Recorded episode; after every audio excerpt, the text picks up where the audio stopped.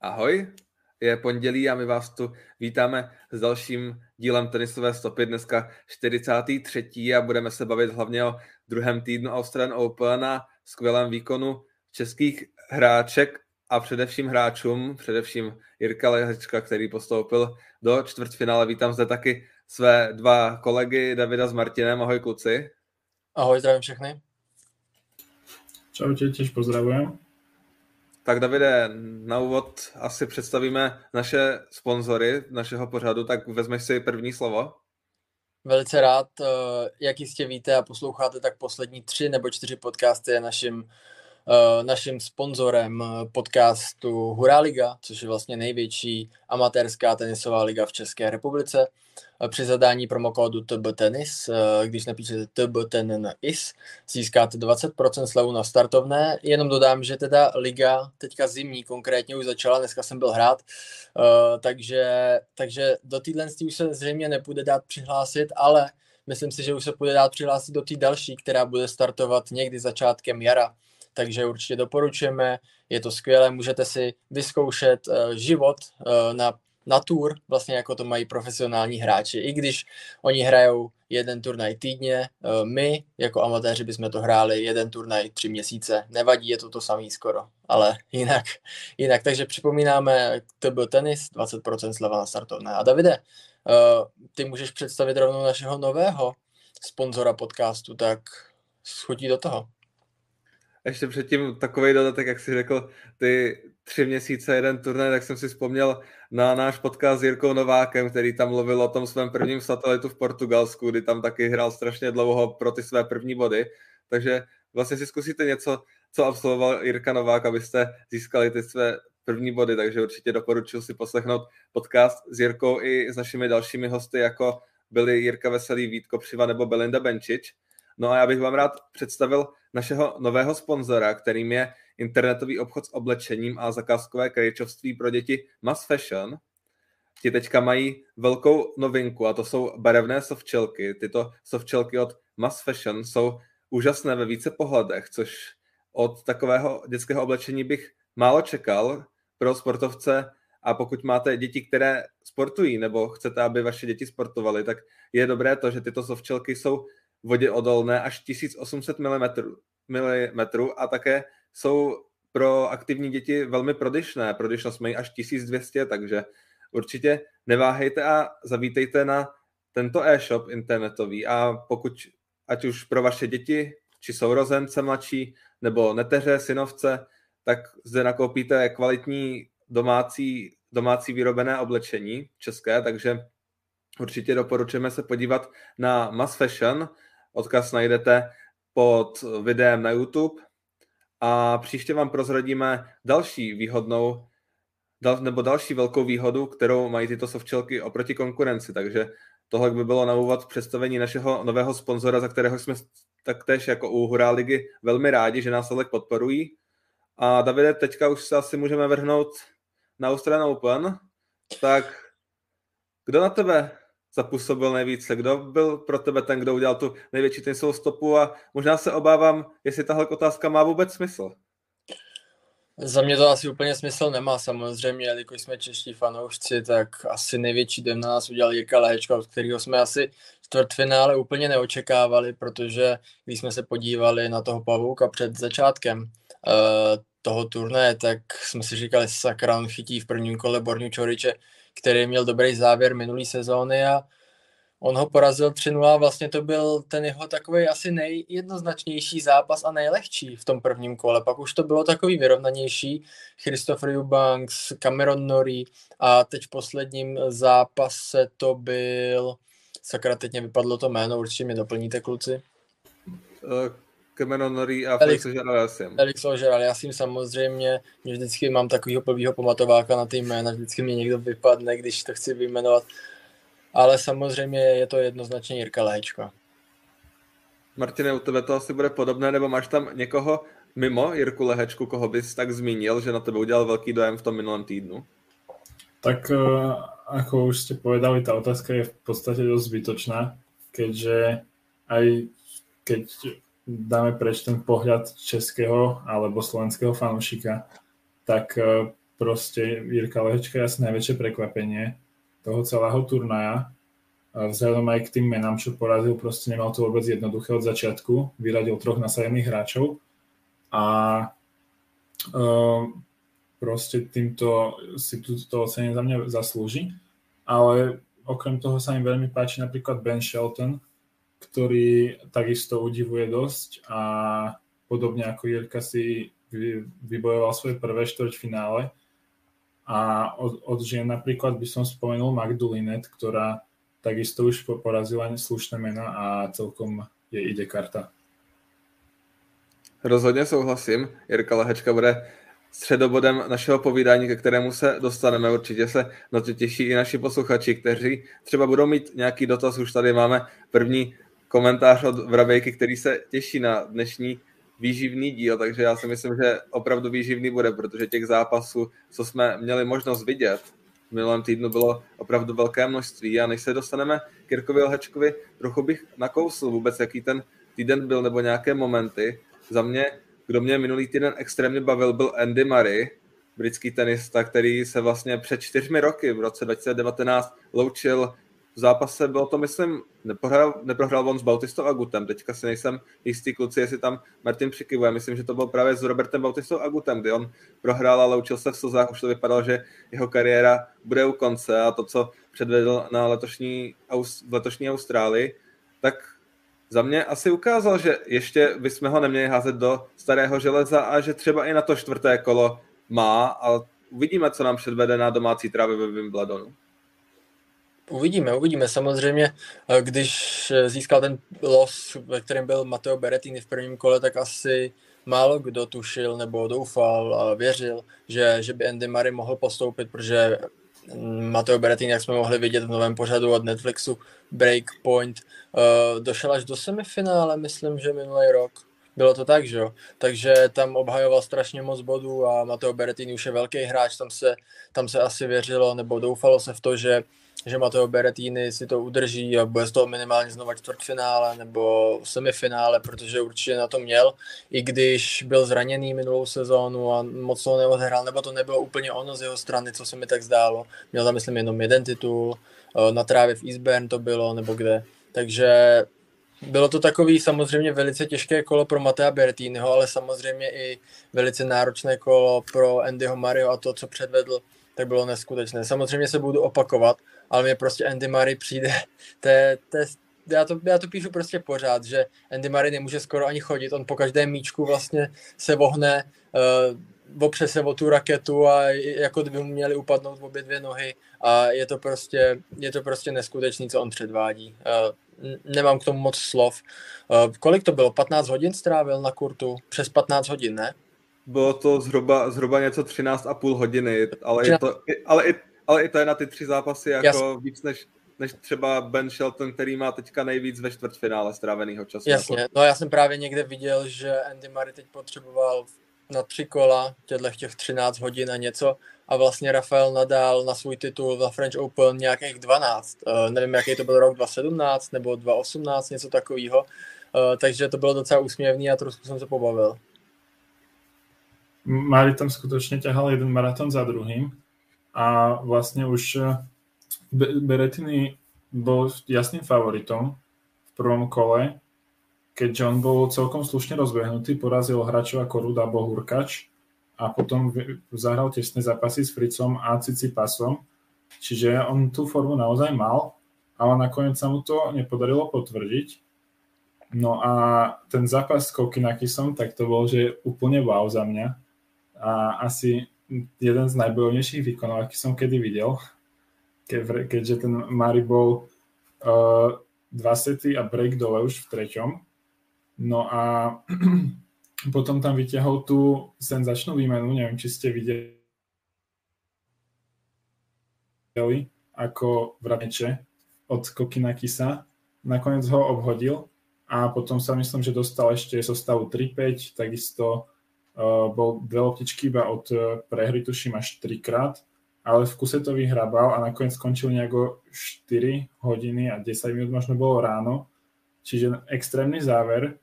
Uh, mal som pocit, že toho Mariho tam bude odvážať asi sanitka, neviem ako vy ste boli na tom, ale no, za mňa to bolo niečo neskutočné. A, ale čo sa týka tých nočných záver, záverov zápasov, tak aký máte vy z toho pocit? Lebo vyjadrovali sa k tomu aj Maria Djokovic, že uh, malo by sa to nejak obmedziť, pretože pre tých hráčov to je strašne náročné a ruší im to celý režim a podobne. Je, je fakt, že, že končit ve 4 hodiny ráno byl to extrém. Ten, ten den začínal, když to vezmeme z našeho času v jednu hodinu ráno a končil v 18, kdy dohráli Marisko Kinakisem, takže 17 hodinový program, to je, to je neskutečné, tak si to představit. A za na druhou stranu, kdo čekal, že když začnou před půl jedenáctou Marisko Kinakisem hrát, že budou hrát 6 hodin skoro ten zápas, že o 5 hodin 45 minut, tady hráli 8 minut, málem překonali, byli zápas uh, finálový z roku 2012 mezi Djokovicem a ten tehdy trval 5 hodin 53 minut, takže 8 minut jim chybělo k tomuto primátu nejdelšího zápasu Australian Open. No a Martina, je pravda, že asi by se to mělo omezit, ty, ty dny tam byly opravdu dlouhé, ale zase na druhou stranu, nevím, no, já bych to zase nepřerušoval, že kdyby jako padla druhá hodina přeruší se to, hraje se druhý den znova, já jsem proto to nechat dohrát a tady ten zápas byl jako extrém. Je pravda, že třeba teďka už ty dny jsou kratší a je to, je to napováženou. No, je to asi na rozhodnutí hráčů ATP, nějaké valné hromady, kdo jak, pro, pro co by hlasoval, komu by co vyhovovalo. Zas na druhou stranu, sice v Sydney třeba jako, nebo v celkově v Austrálii asi je teplo, prostě koukal jsem třeba i na předpověď, je tam něco kolem 25, jeden den tam byl extrémní horko, že se kvůli tomu nehrálo, pak zase pršelo ten samý den, takže to byl takový zvláštní den, ale, ale teďka jsou tam prostě i velký takový výkyvy teplotní, že přes den máte prostě, máš 25 uh, eh, stupňů a pak uh, v noci, což když hrál Andy Maris Siko Kinakisem, tak je nějakých třeba 12-13 stupňů a to už úplně taky podle mě není super pro to tělo, samozřejmě oni jsou nějak zahřátí a uh, ale zase na druhou stranu hrajou prostě jenom v krátkým a nevím, jestli to je dobrý pro to tělo a třeba on Žabur, uh, když dohrála taky ten maratonský zápas s Markétou Vondroušovou, jak, jak vypadla, tak uh, ta se tam potom složila, jsem viděl nějaký video a, a nebyla úplně v pohodě, takže nevím, jestli by se to úplně mělo přerušovat, ale prostě když by zápas začínal, já nevím, v 11 hodin večer, tak stejně už je to na tři sety, minimálně dvě hodiny se to bude hrát ten zápas, konec v jednu, asi to je ok, ale prostě si myslím, že třeba zápasy, které by měly začínat třeba po 11. Že, že by se třeba měly hrát až ten další den. Samozřejmě se nějak naruší ten cyklus. Na druhou stranu, kdyby ten hráč hrál třeba do druhý den, tak to je pro něj prakticky nehratelný. Když jsem viděl někde na sociálních sítích, že nějaký hráč přidal, že Andy Murray ve čtyři, ve čtyři ve čtyři hodiny skončil a o 8 hodin později už byl znova v tom tenisovém klubu a trénoval. Takže možná Andy Murray je sám extrém, uh, že tomu obětuje tolik, ale, ale nevím, jestli by se to třeba mělo začínat ten zápas vůbec, když, když víme, že to třeba skončí takhle pozdě. Andy Maria, k němu ještě dodám, že souhlasím s vámi, že on od prvního 15 vypadá, že už nemůže a přesto nám tady předvedl neskutečný výkony a třeba i ten, Martin tady říkal, ten zápas s Kokinakisem, Kokinakis vedl 2-0, 5-2, ty obraty byly od Mariho neskutečné a i třeba proti tomu Berettinimu tam, jestli víte ten matchball, který Mateo Berettini měl, o tom se mu asi ještě dlouho bude zdát. Davide, co, co, co ty bys z pohledu Berettiniho potom, co tako, z takového míčku prohraješ ten zápas, co bys si říkal? To musí být hrozný, ne? Mm, tak samozřejmě to asi musí být hrozný pocit. Uh, nevím, nevím, co bych úplně dělal, nebo co bych si říkal. Samozřejmě všichni jsou trénovaní na to, že tak, takováhle situace může nastat a tyhle hráči jsou uh, psychicky tak dobře připravení, že by to měli hodit za hlavu, i když to samozřejmě úplně moc nejde, protože to byl stav 2-2, 5-4 a 40-30, nebo tak nějak to bylo, že jo a vlastně Matteo Berettini měl tím backendem otevřenou prakticky celou část uh, té levé strany Andyho Mariho, takže tam si myslím, že stačilo ten míček jenom přehodit. Uh, samozřejmě víme, že Matteo Berettini z toho backendu není úplně nejsilnější. Hraje to spíš jednoruč čopem, že, jo? Že, že to hodně seká ten jednoruč a, a ten obouruč se mi zdá, že moc ani nepraktikuje, i když v tom zápase to docela praktikoval.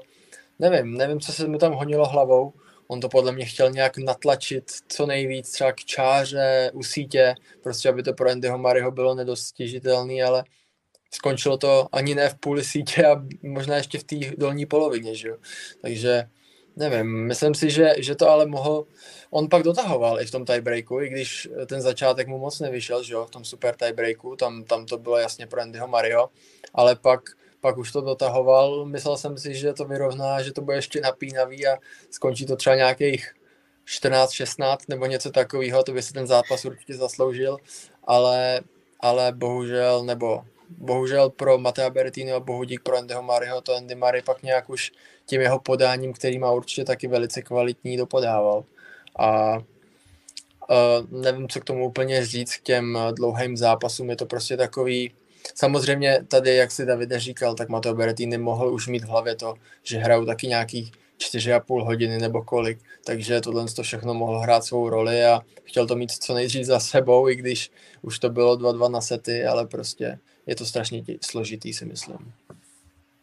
Ono tam vlastne Marisa už po holahoch by, do, tuším, že do toho svojho forehandu a tým Berettini malo celý voľný ten backend krížom a možno aj toho tak trochu rozhodilo, že v takú rozhodujúcu chvíľu proste mal možno až príliš toho voľného priestoru a proste nejak to tam nedokázal natlačiť. No. Vrabejka nám tady píše, že pro něj je Kokinakis Kismary za tím zápasem turnaje. Já si myslím, že na tom se asi můžeme shodnout, protože to byla velká show a možná Kokinakis tak nějak komentoval to, co jsme tady rozebírali, na co jsem se tě, Davide, ptal, toho Berettiniho, co si potom musel říkat, protože já sám vím, že prohrát zápas takového míčku je strašně těžký a uh, Kokinakis po tom zápase napsal, že sport je že tenis je, ano, to nevím, jak to přeložit, aby, abych tady nemluvil prostě, ale ale prostě, že to není úplně nejlepší sport. Že občas, občas tenis je uh, zrádný v tomhle. Takže, takže asi tohle bychom opustili téma Andyho Mariho. Těch favoritů, kromě Matea Berettiniho, kteří opustili Australian Open, bylo mnoho už ve druhém kole. To byl Rafa Nadal. Kluci, Rafa Nadal opustil turnaj ve druhém kole, dohrával se zraněním, předtím on postoupil ze zápasu, kdy Jack Draper dohrával se zraněním, tak jak to vidíte s Rafou Nadalem? Teďka vlastně bude mimo zhruba nějaké dva měsíce. Není to už takový začátek konce Rafy Nadala? Tak víme, že Rafa Nadal je těmi zraněními, uh, dá se říct, už známý. Um, měl, jich, měl jich mnoho, takže on se z toho určitě dostane a vrátí se. Uh, tam je možná kuriozní to, že vlastně Rafa Nadal dohrál se zraněním, nechtěl skrečovat. Víme o něm, že on prostě zápasy neskrečuje, mohlo to být samozřejmě i kvůli finanční odměně, i když to asi Rafovi Nadalovi je úplně jedno.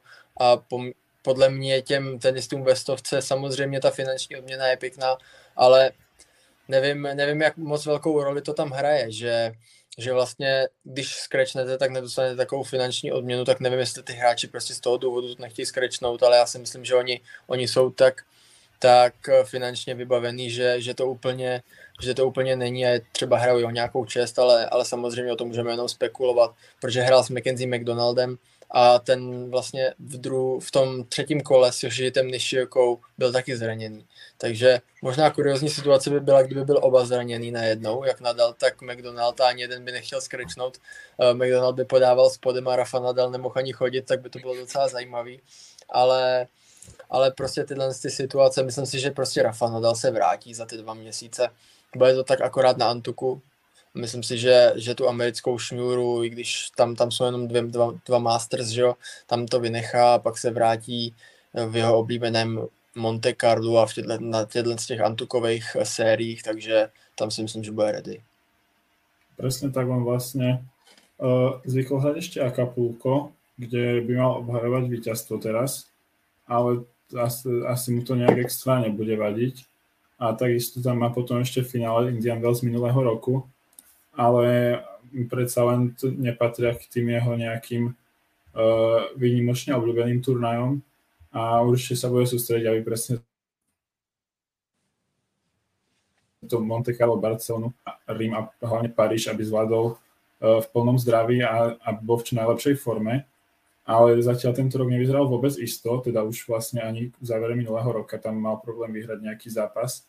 Tu na takisto porazil iba v podstate toho zraneného Drapera, čiže bude to mať veľmi náročné s tým comebackom potom.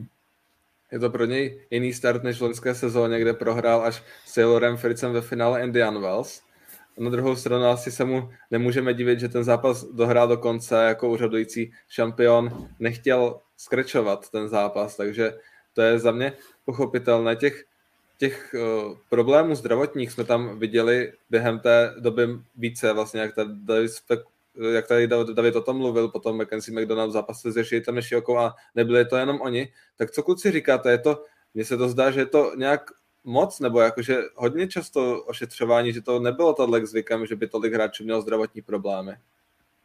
Je tam hodně ošetřování, to určitě. Uh, nevím, čím to může být, ale zase na druhou stranu nevidíme skoro žádné skreče a to v tom normálním koloběhu těch zápasů na tour vidíme. Takže vůbec, vůbec netuším, čím to může být. Uh, jestli to je třeba tím, že je prostě začátek sezóny, uh, hráči za sebou mají náročnou přípravu, ale to tak bývá ve fotbale, jo? to já můžu hodnotit z pozice, z pozice fotbalový jenom, protože většinou tam je náročná příprava, aby se to pak zužitkovalo v té sezóně, tady samozřejmě ty hráči mají nějakou přípravu, ale na druhou stranu si spíš odpočinou od toho tenisu, protože hrajou celý rok a jsou rádi, když od toho vypnou chvíli a pak, pak, se, v tom, pak se do toho vrátí v té Austrálii.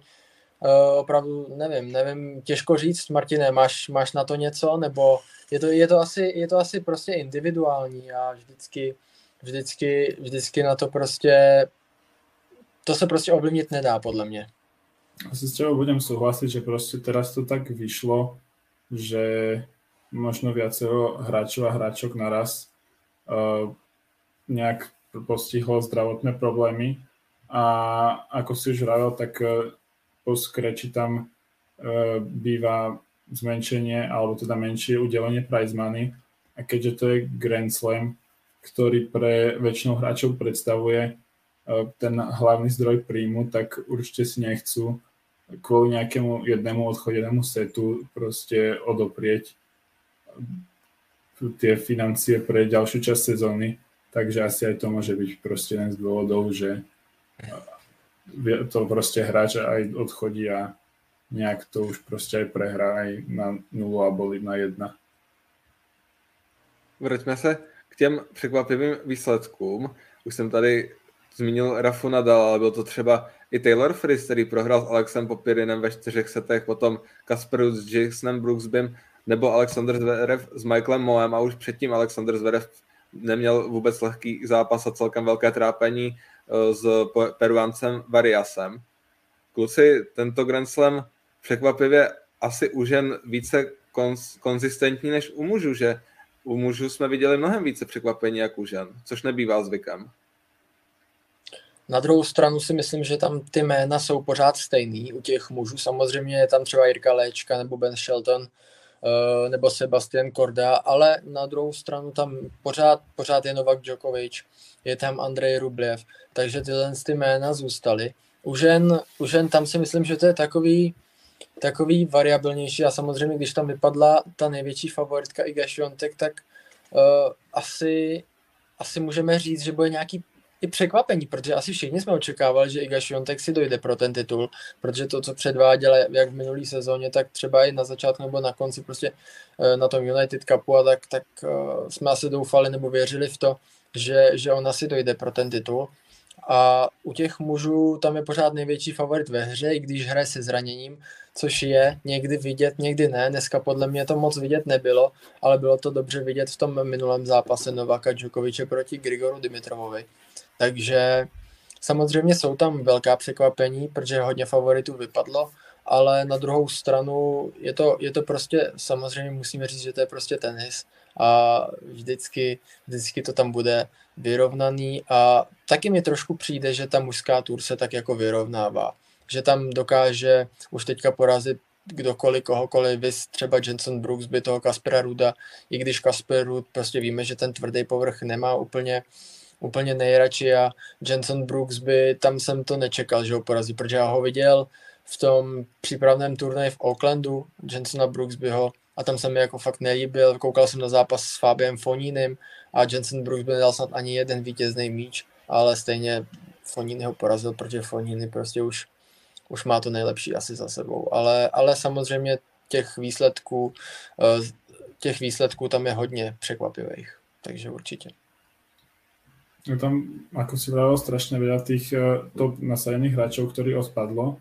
Uh, mysl, proste aj pred štvrťfinále nám z oboch pavúkov vypadli obe prvé dva nasadení tenisti alebo tenistky teda, keďže v druhom kole sa poručali Nadal aj Rud a už jen sa po Ons Žaber, ktorú vyradila Marketa Vondroušová, tak potom ešte o kolo neskôr myslím, že Eh, vypadla Iga Šviotek, ale vráťme sa asi k tej uh, Markete Modroušovej a spolu s nej k českým hráčkam, ktorí tam bolo ešte dnes docela dosť. Po dnešku ostala už len Karolina Plišková, tak ako vidíte jej šance, alebo pozerali ste napríklad Lindu Fruhvirtovú alebo Barboru Krejčíkovú v posledných dňoch a ich zápasy? Já jsem se snažil hodně sledovat Češky. Sledoval jsem i Marketu Ondrošovu nebo Karolinu Muchovou, de facto všechny Češky, které prošly do druhého kola. Trochu mě asi zklamala Petra Kvitová, která prohrála s Ukrajinkou Kaleninou, kterou poté porazila Bára Krejčíková. Toto měla nesmírně těžké v tom čtvrtém kole proti Jessice Pegule, to jsem viděl proti Martě Kostiuk, ta si de facto v tom zápase skoro nešáhla chvíle, chvílema na balón. Sice i Marta Kostiuk měla spoustu nevinujících chyb, ale Jessica Pegula se tam zdá velmi dobře na to, nebo mně se zdá na Australian Open, že se prezentuje velmi dobře, hraje hodně agresivně, chodí na síť, něco, co předváděla eh, Caroline Garcia na WTA Finals na konci minulého roku. No, potom ten zápas Markety Vondrošve s Ons Žaber, ten jsem, ten jsem viděl od začátku do konce. Tam Markéta hrála, hrála skvěle, zatímco Ons Žaber hodně chybovala opravdu v tom prvním setu se nebyla za mě schopná trefit do kurtu, naopak na konci druhého setu byla ta, která na tom kurtu jasně vládla a ukazovala, proč je světovou dvojkou. A ten třetí set ji opět Markéta Vondroušova donutila k tomu hrát několik míčů navíc, nenechala jí ani jeden míček zadarmo a zvládla tak postoupit do toho třetího kola, kde právě hrála s Lindou Fruvirtovou. To byl pak taky zápas, kde jsme viděli, jak už jsme tady párkrát zmínili, ošetřování na obou stranách. Markéta Vondrošova přece jenom už po těch zápasech nebyla moc fit, protože Alison Risk musela do třech setů. A Linda, dneska jsem viděl Lindu Fruvirtovou, ta hrála s Donou Vekic, Dona Vekic se mě na tom turnaji velmi líbí a Davide, my jsme se tady o Doně Vekic bavili, že v letošní sezóně by to mohla být jedna z těch hráček, která se vrátí na, na svá místa, kde, na která byla zvyklá. Ano a co se týče Karolíny Pliškové, jestli to je poslední hráčka, kterou jsem nezmínil, tak ta má, asi se shodneme, velmi dobrý los, zatím nemusela hrát s žádnou extra top soupeřkou. A projít tím turnajem jako nůž máslem a mně se v dnešním zápase velmi líbila, ona i statisticky hrála velmi dobře, tam měla 12 S, 33 vinérů a jenom 13 nevynocených dvojchyb, 13 nevynocených chyb, takže uvidíme, co Karolina Plišková teďka očeká Magdalene, která vyřadila Karolin Garciu. Takže uvidíme. Za mě má tu cestu otevřenou do semifinále a pak se může stát cokoliv.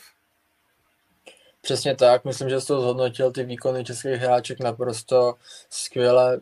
Eh, když jsme u toho osmi finále, tak Jessica Pegula, Bára Krejčíková, tam Jessica Pegula mě připomíná Daniel Collins z minulého roku taky američanka, podle mě si zatím půjde a dostane se minimálně do finále, protože hraje tam opravdu dobře. Uh, ale ona, ona hraje na těch, na těch tvrdých površích dobře a konzistentně prakticky celý rok. Uh, od, už, od, už to bude tak dva roky, takže tam mě to moc nepřekvapuje. Samozřejmě měl jsem svý favoritky, většina, většina vypadla, ještě, ještě se tam drží třeba Arena Zabalenka, která která ale, která taky hraje velice dobře, takže tam čekám, že to taky dojde velice daleko, i když už budeme ve čtvrtfinále pomalu. Vlastně už budeme od zítra, už budou se hrát čtvrtfinále. Linda Fruverta, o tom se to opravdu nečekal, že, že dojde takhle daleko. Přeci jen byl to pro ní jako první takový měření s těma lepšíma hráčkama a že do, dokráčí až takhle, bude hrát s Danou Vekič osmi finále. Samozřejmě Dona Vekič, o tom, jak si zmiňoval David, jsme se bavili, že, že by tenhle rok mohla zazářit a zatím se to tak vyplňuje. Mimochodem má svoji vlastní značku, jak už jsme říkali, takže i to jí pomůže na popularitě a určitě má to od toho Uoma Sport, ona tam má nějak Dona Vekič, Dona Vekič Sport, nebo jak se to jmenuje, ani nevím. Už minule jsem to říkal, myslím. A Karolina Plíšková, tak to je taky, za mě samozřejmě je to překvapení, ale jak jsme, jak si říkal Davide nebo i Martin, prostě ten los měla poměrně lehký. Měla tam hráčky, kteří asi sedí, což v těch rozhovorech, co jsem četl, tak říkala, že ať už to bude teďka Shua Zheng, která třeba nemá tak dobrý servis, uh, hraje trošku pomalejc, předním bank, uh, jsou to prostě takový hráčky mm, vlastně stejného stylu. Uh, uvidíme, jak teďka Magdalinet vyřadila Caroline Garciu, uh, hraje poměrně agresivně, co jsem viděl na Australian Open, ale to hrála i ať už třeba na tom Billie Jean King Cupu, nebo na United Cupu hrála taky velice dobře, takže mě to ani nepřekvapilo, že je takhle daleko. Samozřejmě bych ji netypoval, ale, ale teďka je každý chytrý, že když došlo takhle daleko, takže, takže uvidíme, uvidíme, co to přinese. Eh, věřím, že by to Karolina Plišková mohla zvládnout a semifinále by byl velice velký úspěch. Si myslím, že i pro ní potom, jak vlastně poslední dvě sezóny to není úplně ono. Martine, možná můžeš navázat tady na otázku v Rabejky, jestli Karolina Plišková může zastavit Arinu Sabalenku. Jak, jak, jak bys viděl tady tento případný duel v semifinále mezi těmito dvěma hráčky, které jsou za mě obě dvě podobného ražení, hodně agresivní a dobré přes, přes podání? Uh, presne ako že ide o typologicky podobné hráčky, uh, také bombardérky, by som povedal, či, či už sa, čo, sa servisu alebo hry od základnej čiary. A oni sa spolu stretli už e, minulý rok na US Open, tuším vo štvrťfinále to bolo. A tam som aj mierne veril viac Karoline, že by to proste mohla uhrať, lebo ona ju porazila ešte vo Wimbledone, tuším, že neviem, či to bolo štvrťfinále alebo nejaké podobné kolo, ale vtedy, keď bola Karolina Plišková v finále Wimbledonu 2021, tak e, porazila tam na ceste aj Sabalenku tak e, vtedy som veril, že to nejak uhrá aj toto kolo na US Open. Nakoniec ale Sabalenka vyhrala v dvoch setoch relatívne v pohode a podobný výsledok by som čakal aj teraz, aj keď Karolina vyzerá vo väčšej pohode, ako bola v, na US Open, ale predsa len tá Sabalenka hrá neuveriteľne za mňa teraz. Vyhrala ten turnaj v Adelaide, kde porazila celkom slušné hráčky a teraz e, zatiaľ myslím, že všetko 2-0, keď e, ma pamäť neklame. Teraz dokonca Belindu Benčič, ktorá bola v rovnako výbornej forme. Vlastne sme sa bavili už minulý týždeň, že e, je tu ten potenciálny stret týchto dvoch hráčok, ktoré sú vo forme a nakoniec Sabalenka bola favoritkou, potvrdila to celkom jasne.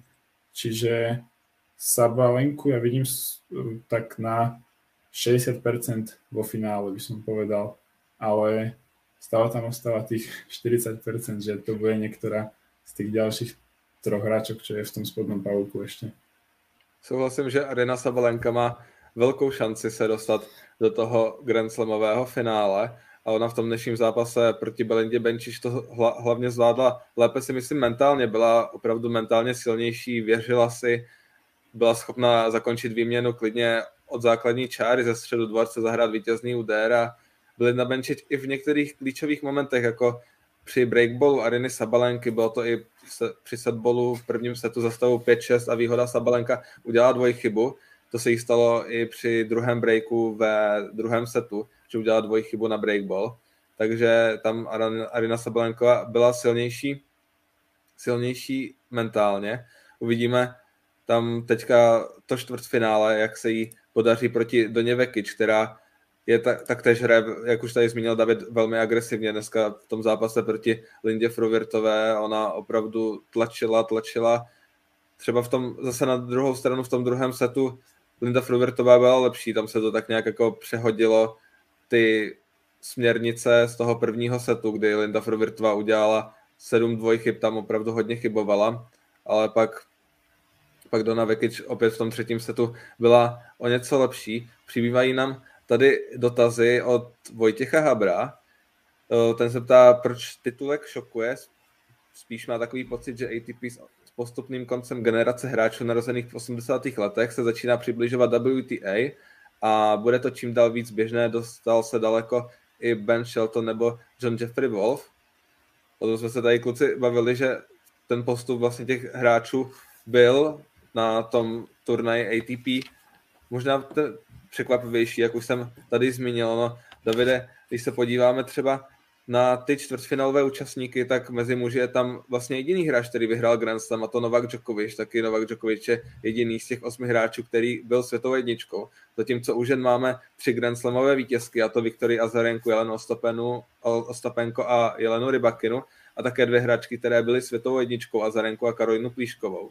Tak myslíte si, kluci, že právě tady tímhle odchodem a možná i takovou pomalou, pomalým koncem té generace Djokovic, Federer, Nadal a nejenom tady těch hráčů typu Vavrinka, potom později Mari, nebo například i Marin Čiliš a tady těch hráčů, kteří už stárnou a jim kolem 33 let, že ten tenis mužský bude tak vyrovnaný, jak ten ženský?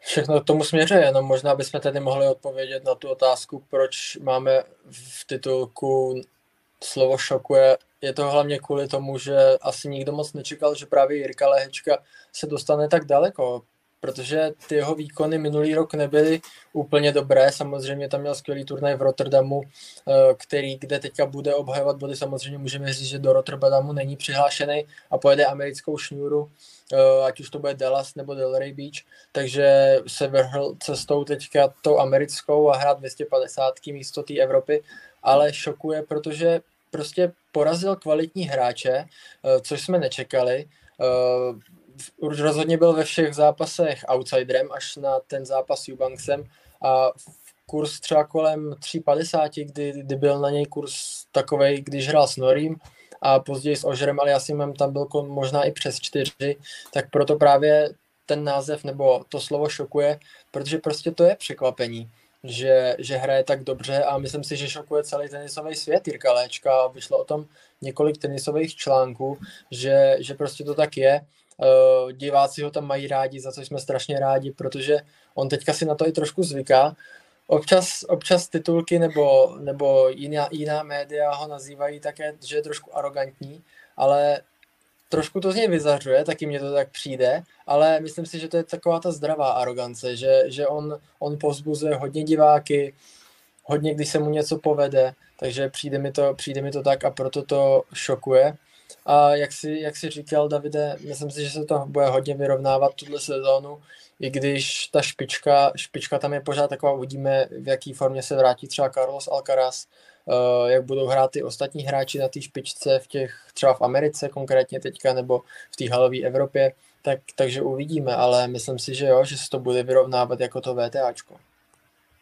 Ešte len k tomu dotazu, že v podstate máme tu troch nenasadených hráčov, v štvrtfinále, čo je pravda, ale keď eh, porovnáme to, že proti komu hral Jirka Lehečka, ako proti komu napríklad uh, Wolf alebo uh, Shelton Wolf samozrejme nepostúpil do štvrťfinále, ale Tommy Paul, ktorý tam tiež nemal nejakého vyloženia ťažkého supera, a tak Jirka Lehečka proste mal Noriho, mal Ožera Aliasima, zatiaľ čo Shelton porazil napríklad tam Popirina dneska toho Wolfa, predtým tam mal Žhanga, čiže predsa len to boli takí hráči mimo tej top e, elitnej, ja neviem, 30 40 50 a výsledky Lehečku môžeme označiť za šokujúce. A čo ma veľmi prekvapilo ešte, že e, s Norim to bol taký vyrovnaný boj mi prišlo, ale proti Felixovi vyzeral na kurte, aspoň v tom treťom, štvrtom sete ako lepší hráč. E, robil menej chýb takisto tie service game mám pocit, že si uhral jednoduchšie. A Felix asi ani nemal až tak svoj deň, lebo predsa veľa pokazil takých jednoduchých lob, ale to ma prekvapilo proste, že Jirka bol taký uh, prísnejší na tom kurte, by som povedal. Uh, vedel to tak uh, lepšie zobrať do svojich rúk, keď trebalo a zaslúžene postupil, že nebol to nejaký náhodný postup založený proste čisto na neschopnosti supera, alebo neviem, ako by som to povedal. Za mě já jsem viděl Jirku Lehečku, jak on byl skvěle koncentrovaný na každý ten míček jednotlivý v tom zápase. Bylo vidět, že mentálně je skvěle připravený. Asi Davide na to má i velkou v tom, nebo v tom má velkou roli Jan Milfajt, jeho mentální trenér, že to spolupráce Jirkovi jde v dluh, protože já jsem opravdu tam nenašel a pořád jsem čekal, kdy přijde ta slabší chvíle, kdy Jirka Lehečka bude třeba trochu nervózní, ale ta tam nepřišla za mě na tom servisu, byl nezlomný a i na tom returnu tam nebylo vidět nějaká, nebo tam nebylo patrné nějaký moment, kdyby třeba nedotáhl ten úder do konce, nedošvihnul, nebo tam byla nějaká nervozita během výměny. Přesně tak, jak říkáš, určitě na to má velký podíl. Uh na druhou stranu na tom returnu to on neměl za stolik šancí, bylo to prostě takový vyrovnaný, oba hráči si drželi ten servis a rozhodoval tiebreak, protože první set tam byl jeden break, v druhém setu taky jenom jeden break, takže vlastně ty hráči si konzistentně drželi to podání. Eh, Jirka Lečka dokázal, že prostě, že, že že už asi bude patřit mezi tu, tu špičku, nechci říct úplně tu absolutní špičku, ale samozřejmě mezi těchto 50 by patřit měl, protože trošku jsem se to obával, eh, ten turnaj v Oaklandu nabít hodně takových nevyrovnaných výkonů od Jirky, samozřejmě on tam vyhrál tři zápasy, pak prohrál s Norím, ale na tom servisu dokázal tam prostě víc 4-2 a třeba ten set prohrál 6-4, nebo nevím, jestli to tak přesně bylo, ale, ale prostě vedl s breakem a dokázal ten set prohrát. Takže z tohohle z toho pohledu jsem ne, ani neočekával, že by třeba na tom Australian Open mohl ty dobrý hráče porazit, ale on ukazuje, že, že je konzistentní na tom servisu, že na tom opravdu s Michalem Navrátilem hodně zapracovali, jak to, jak to zmiňoval. Takže, takže jo, bude, snad doufám, že, že se tam udrží v této 50 i po odečtení bodu z toho Rotterdamu a bude tam prostě a teďka se mu otevírá, otevírají velké šance bude startovat hlavní soutěži na ATP 500, ATP 1000, takže rozhodně bude ty body nadále sbírat, bude mít i lehčí losy třeba do začátku, bude někde nasazený na velkých turnajích, takže pro ně jedině dobře, že se mu to Australian Open takhle skvěle povedlo a doufáme, že ještě nekončí.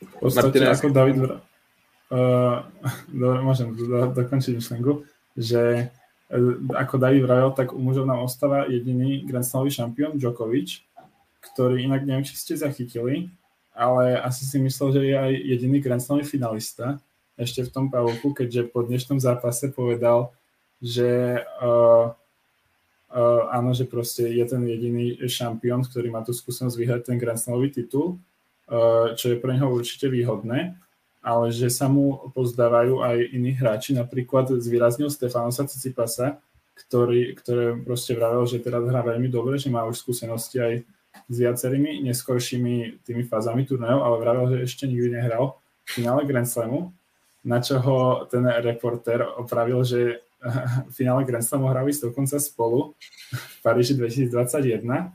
Uh, Djokovic to potom nejak ešte zachránil, že že, sa, že proste spravil chybu, ale chcel ho proste pochváliť, že vyzerá už proste naozaj pripravený uhrať aj kľudne titul.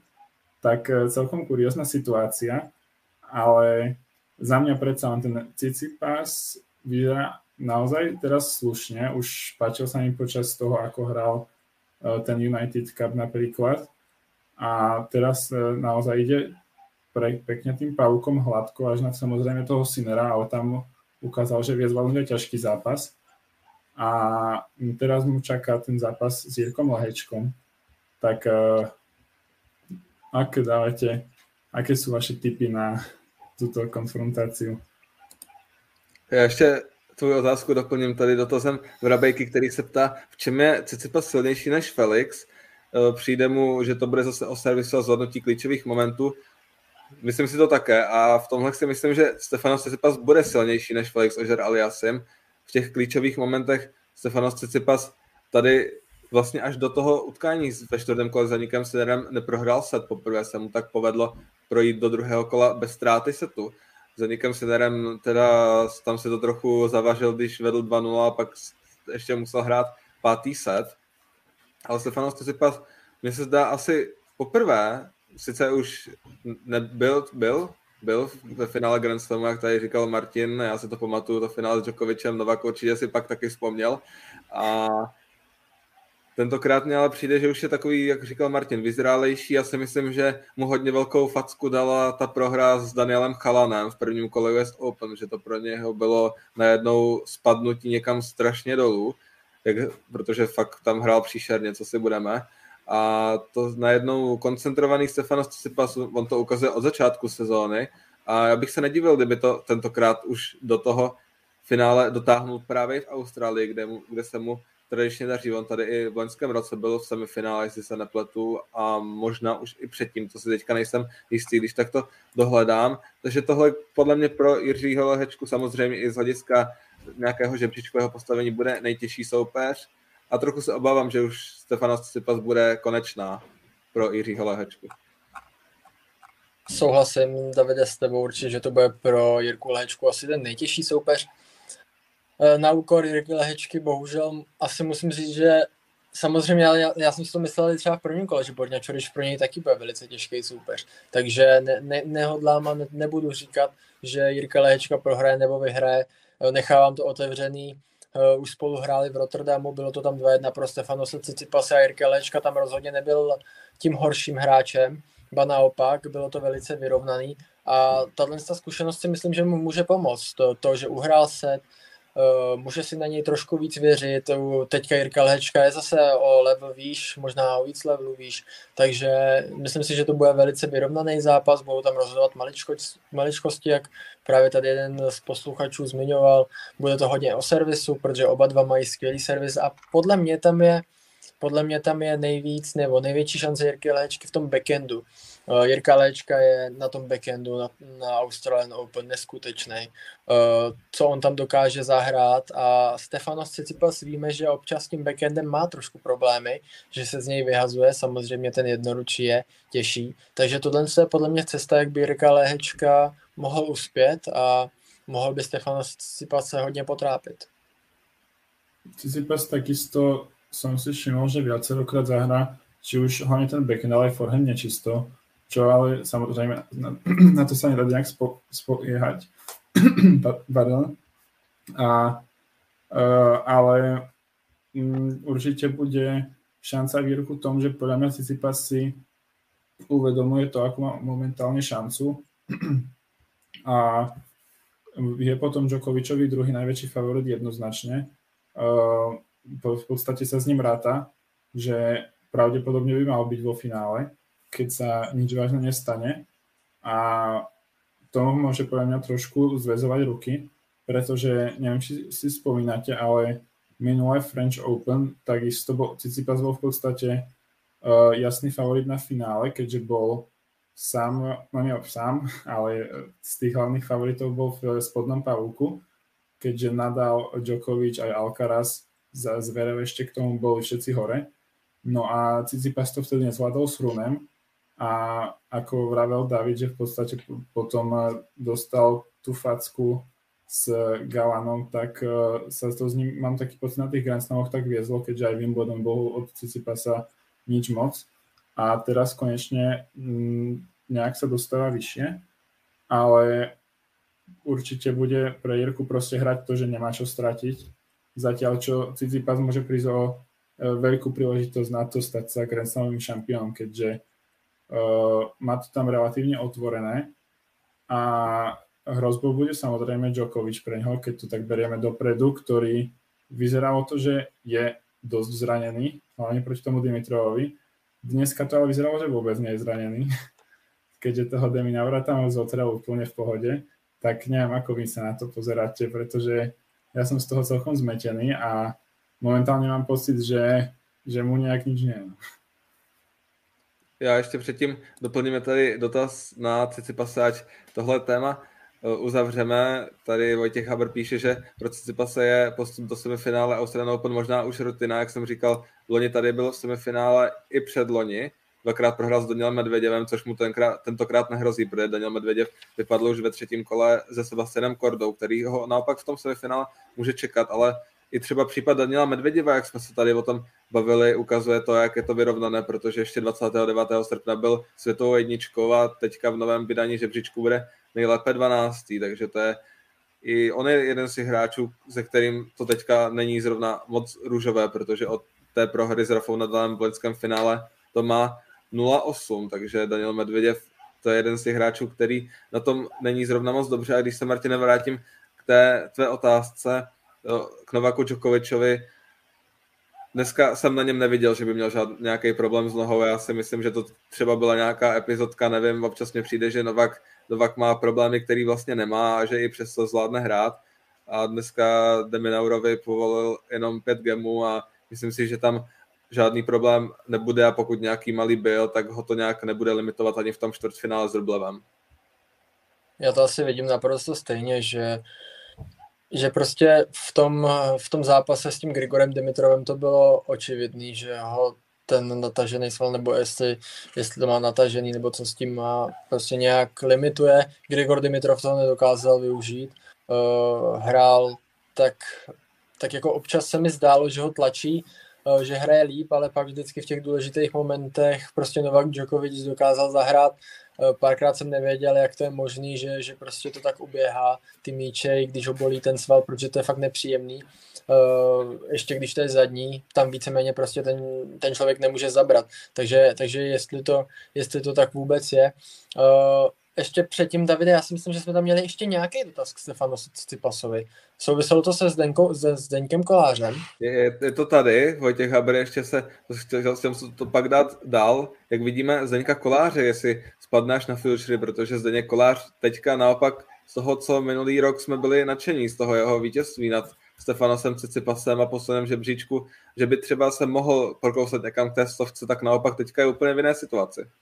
No byl na 111. místě minulý rok, takže tam se očekával, že, že a hrál skvěle, takže že on by mohl pokořit brány top 100, ale myslím si, že Zdenda Kolář je takový zvláštní typ hráče. On teďka objížděl byl, nebo byl v Tajsku na, na, tě, na tom tvrdém povrchu, na Challengerech, kde uhrál první kolo, tam prohrál s, myslím, že to, to, to bylo s nějakým, s Indem, s Gunesvaranem, myslím, že prohrál. A pak, pak hrál třetí kolo, tam, tam to už se očekával, nebo to možná bylo dokonce čtvrtfinále, to třetí kolo na Challengeru, vlastně čtvrtfinále, uh, což se taky nečekalo, on tam porazil třeba Donskoje, takže takže to, ale pro mě překvapení bylo asi to, že on se nevydal tou šňůrou, když neměl jistou kvalifikaci na, na Australian Open, protože z toho vypadl, to je pro nějakých prvních 220 nebo pro kolik, tak nějak, že to je, pak už tam je ten cut, eh, že se nevydal cestou těch té Jižní Ameriky, tam se přece hrály turné na Antuce, eh, bylo tam horší obsazení a on tam mohl uhrát tak víc bodů,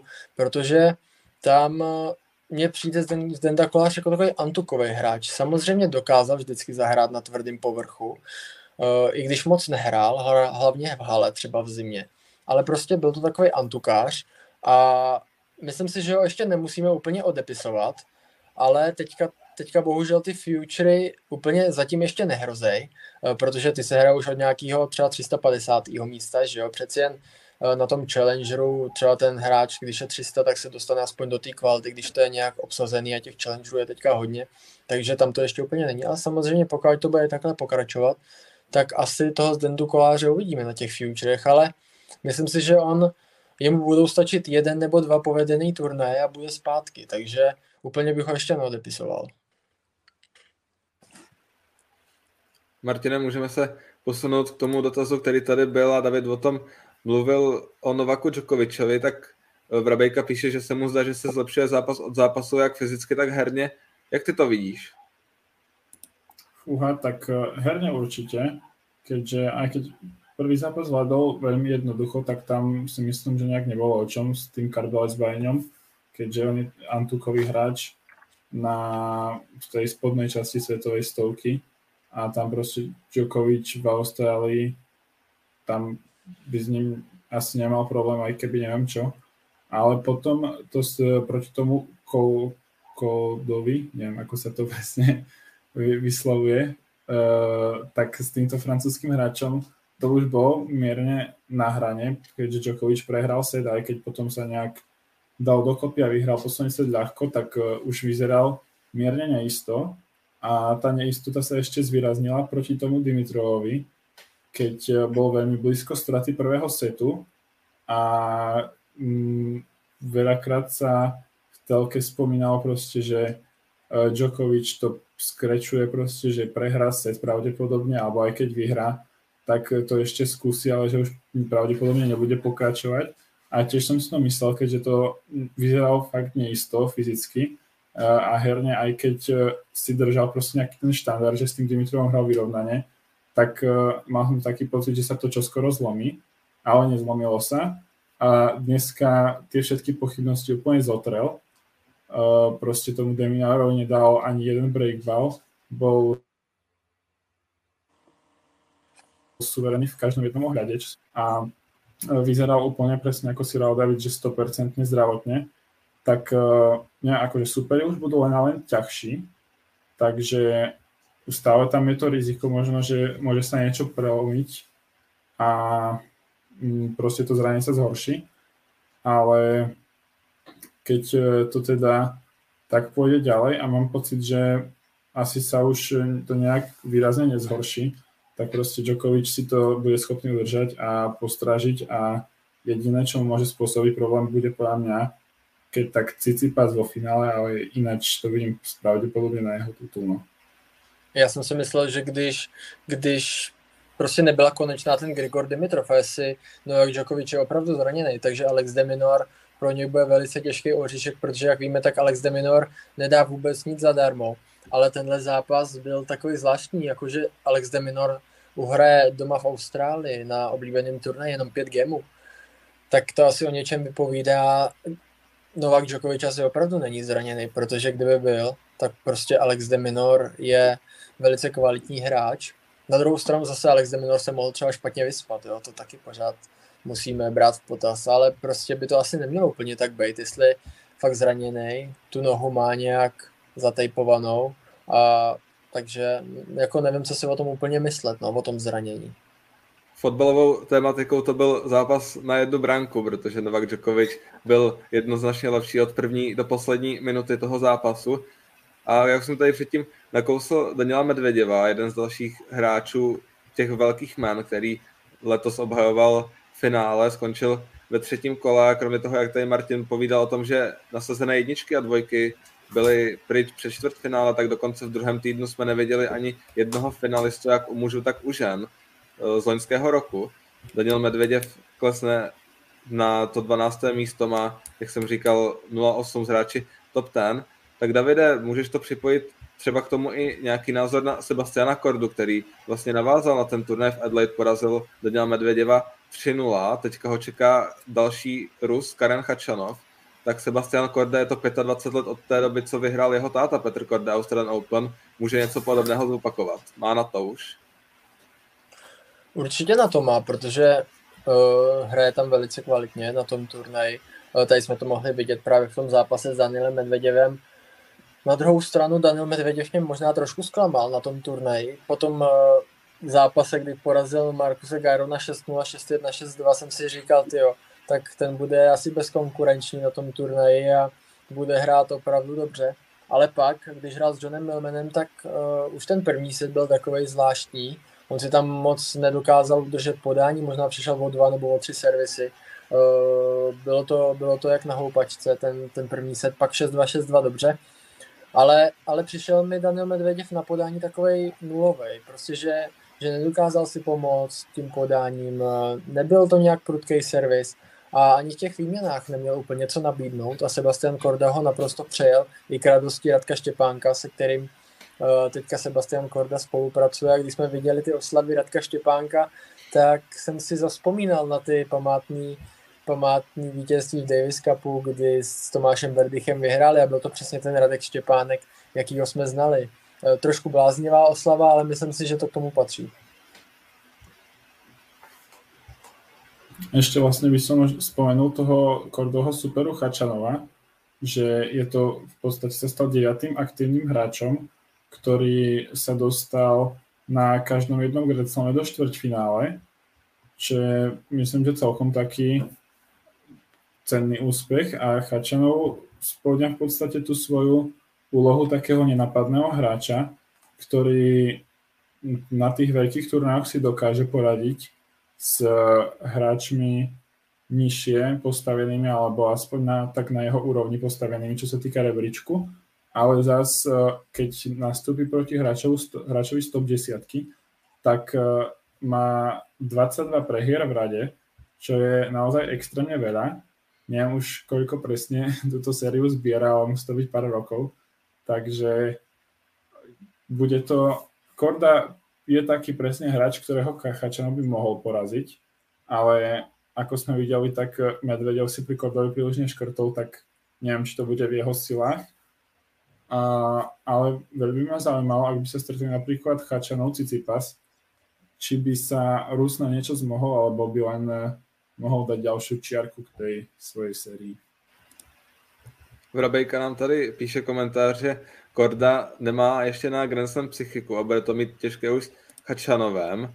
Stejně tak Vojta Haber tady píše, že Korda má docela slabinu na podání, jestli si pamatujeme jejich set ve Wimbledonu, v, jejich pátý set uh, s Hačanovém ve Wimbledonu, to bylo v roce 2021, jestli se nepletu, tam tehdy Sebastian Korda vypadnul ve čtvrtém kole a ještě Vojta Haber dodává, že z 18 gemů třikrát ztratil servis.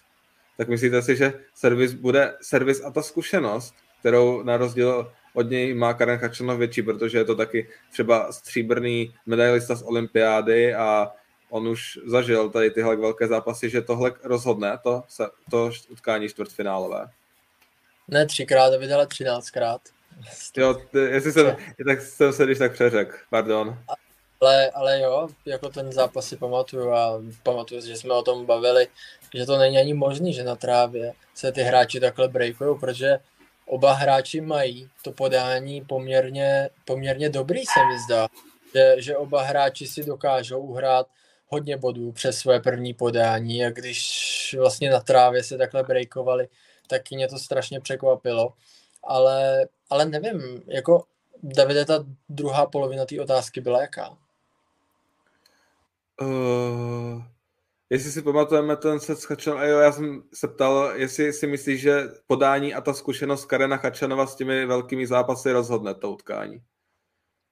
Uh, těžko, těžko říct, samozřejmě jak Karen Kačanov, tak Sebastian Korda, jak už jsem říkal, to podání mají dobré, ale, ale možná tady v tom ohledu mi přijde Karen Kačanov takový zkušenější, že, že odehrál víc těch zápasů a právě i tady teďka na Australian Open mi přijde jako ve skvělé formě, protože on porazil třeba Francise Tiafoua, o kterém jsme si taky mysleli, že dokráčí daleko a, a to, co, to, co před, proti němu předváděl, kdy, kdy ten tiebreak otočil, tiebreak čtvrté sady otočil ze stavu 6-1 na nějakých 8-6 nebo 9-7 to pak bylo, teďka přesně nevím, ale to o tom prostě hovoří, že, že Karen Kačanov už je velký hráč a trošku mě překvapuje samozřejmě na tom Australian Open, ale, ale je to prostě tak, hraje skvěle a ten zápas, na ten zápas se těším, protože přijde mi, že tyhle ty dva hráči si jsou trošku podobní, že oba dva rádi hrajou z forehandu, Eh, ten backend mají samozřejmě, tady mi přijde, že Sebastian Korda má možná trošku lepší backend než Karen Kačanov, protože mi přijde, že Karen Kačanov vůbec ten backend nevyhledává a spíš si to obíhá na ten forehand, který má skvělý. Takže jsem zvědavý, jakou třeba Sebastian Korda zvolí taktiku právě na tenhle souboj. Ono ten tiebreak byl až 11-9 mezi Chačanou a TFOM. No a podľa mňa zase kope úplne z toho štvrťfinále, keďže e, Medvedev tam mali celkom náročné momenty v tých, tom tiebreaku. A ešte horšie to mal s Hurkačom, ktorý je taktiež kvalitný hráč, myslím, že aj celkovo ešte kvalitnejší ako Chačanov, tak e, proste to zvládol Korda aj v super tiebreaku, myslím, že tam rozhodoval. Čiže podľa mňa psychiku má celkom fajn, samozrejme môže sa stať, že že teraz už ide o tú poslednú nejak to nezvládne proste Korda, keďže tam je prvýkrát a Chačanov už tu sa im finále hral. No a ale ja by som veril možno tomu skôr Kordovi, ale každopádne taký 4-5 setový zápas myslím, že môžeme očakávať tenisová stopa se pomale, ale jistě blíží ke konci. Už jsme přesáhli jednu hodinu, takže poslední dotazy. Ještě předtím Vojta Haber nám tady psal, že mladší hráči z té plné špičky už nemají takovou kvalitu a konzistentnost a proto tady stále sbírají tituly Djokovic a občas i Nadal a stále i u sázovek patří mezi hlavní favority. Tohohle komentáře jsem si vzpomněl na dnešní zápas Holgera Runeho s Andrejem Rublevem, který vedl 5-2 v tom pátém setu pak měl matchbally za stavu 6-5, 40-15 a i v tom tiebreaku vedl 5-0, 6-2, 7-3, nakonec prohrál 9-11, tak ukazuje se přece jenom někdy v těchto zápasech na Grand Slamech, že ta, nebo za mě se ukazuje, že ta zkušenost z těch zápasů je důležitá. Uvidíme právě, jestli to rozhodne například zápas Chačanova s Kordou. Tady Vrabejka píše, že Hurkáč vedl v super tiebreaku 7-5, takže si to prodal spíš sám, což se taky samozřejmě může stát, že hráči vedou a bylo to asi možná podobný případ jak Holgeru, který taky vedl 7-3. No a Andrej Rublev postoupil, kluci bude hrát s Novakem Djokovicem, sedmé čtvrtfinále a zatím ani jedno semifinále nezvládl. Špatná mhm. bilance. Mm. Je to, je to špatná bilance, samozřejmě na Grand Slamu, aby jsme byli přesní. Uh, co na to říct, no Andrej Rublev je stejně jako, stejně jako Karen Kačanov uh, už prostě zkušenější hráč, který už má něco odehráno, ale přece Novak Djokovic to má odehráno podstatně víc. Uvidíme, uvidíme, jak, jak to bude, no jestli opravdu Novak Djokovic třeba bude laborovat s tím zraněním nebo ne, ale myslím si, že, to, že by to mohl být vyrovnaný zápas, protože oba hráči oba hráči budou kvalitní na tom servisu, jak víme Andrej Rublev, když, když mu to tam lítá, tak dokáže hrát velice agresivně. Pro Novaka Djokoviče by to třeba mohl být problém. Samozřejmě myslím si, že ten zápas bude trošku otevřenější než s tím Alexem Deminorem, eh, že by to mohlo být vyrovnanější, ale pokud Novak Djokovic bude na 100% fit nebo třeba na 90% fit, jak jsme viděli s Gregorem Dimitrovem, tak asi si myslím, že by měl vyhrát, ale samozřejmě uvidíme. Andrej Rublev se dokáže vyhecovat a dokáže zahrát skvěle. Možná úplně poslední téma na závěr. Vypadá to, že eh, pokud ještě máte dotaz, tak pište poslední příležitost. Ben Shelton, Davide, poprvé opustil hranice Spojených států amerických už jenom díky turnému ve Spojených, států se, ve Spojených státech se dostal do elitní stovky teďka poprvé mimo Ameriku je ve čtvrtfinále Australian Open a potom, co minulý rok v této době nebyl ani v pětistovce, tak v novém žebříčku bude nejhůře 43. když prohraje s Tommy Paulem. No, je to tak. Začátkem roku ještě studoval vysokou školu, pak se na to nějak uh, nějak to, uh, nechci to říct neslušně, ale prostě ukončil. A nyní hraje profesionální tenis, takže Rozhodně jsme to od něj nečekali tu minulou sezónu, že si tak vyšvihne v té Americe, ale bylo to tak, on vlastně poprvé, poprvé mimo uh, svoje rodiště a hnedka takhle v Austrálii. Ten začátek nebyl úplně skvělý, prohrál tam kvalifikaci v, v Adelaide s Jamesem Duckworthem a pak prohrál v Aucklandu s Quentinem Hallisem. Ale tam to bylo možná i tím, že prostě to, to prostředí, zvykal si na to, ale možná důležitou věc, kterou bych zmínil, asi je to, co říkal Martin, že on neměl nějak těžký los, že v prvním kole měl Ženga z Číny, což je taky hráč, který se sotva dostal do stovky, pak měl Nikolase Jariho, který dlouho který dlouho pikal za doping a snaží se nějak vrátit do té elitní stovky, je to především Antukář. Eh, pak tam měl Alexe Popirina, který dokázal porazit v Taylora Frice, což bylo velký překvapení, ale přeci jen to je Alexej Popirin, který není úplně konzistentní a teďka hrál s Wolfem, tedy s Krajanem, takže tam se asi dalo očekávat všechno. Když Benovi Sheltonovi půjde podání, což mu zatím chodí, tak si myslím, že ty hráči, kteří budou hrát proti němu, budou mít velký problém mu to podání zít. A v tom tiebreaku, v tom tiebreaku pak už, pak už to prostě záleží na těch maličkostech, takže uvidíme, uvidíme, jak Benovi Sheltonovi půjde podání, ale zatím se jeví velice dobře. Martine, chtěl bys ještě něco dodat na závěr k Benu Sheltonovi, případně jiným americkým hráčům, protože jsou tři ve čtvrtfinále? Uh, tak určitě je to velmi pozitivní turnaj pre hráčov z USA, alebo aj hráčky, veď každopádne tam Jessica Pegula v ženskom pavúku patrí k jedným z najväčších kandidátok na titul momentálne. E, či už e, tým, že je v podstate najvyššie postavená hráčka, ktorá ostala, alebo aj tým, ako hrá. Tak tu na, za mňa len trochu prekvapivé, že v podstate od tých hráčov, čo sme čakali, výsledok ako Fritz alebo Tajafov, tak neprišlo. Uh, v prípade Frica veľké sklamanie. A tu na naopak uh, Paul alebo Shelton, takisto Korda, ktorí mali to rozlosovanie celku náročné aj, na, hlavne v prípade Kordu myslím, uh, no tak tam sa to proste im to sadlo nejak dokázali poraziť e, tých sebe vyrovnaných hráčov, napríklad Paul teraz zdolal toho Baltistu alebo predtým Davidoviča Fokinu, či, čiže tam to proste dokázali zvládnuť tie ťažké momenty a uh, hlavne tá spodná časť pavúka sa veľmi otvorila vypadnutiami nasadených hráčov a aj vďaka tomu sú to práve oni, ktorým to vyšlo. No a som zvedavý, že ako to dopadne. Paul bude v tom americkom súboji výraznejším favoritom, ale toho Sheltona by som vôbec neodpísal, pretože ako si reál David, tak ten series mu tam padá a v tiebreakoch je nebezpečný, myslím, že pre každého, tak uvidíme.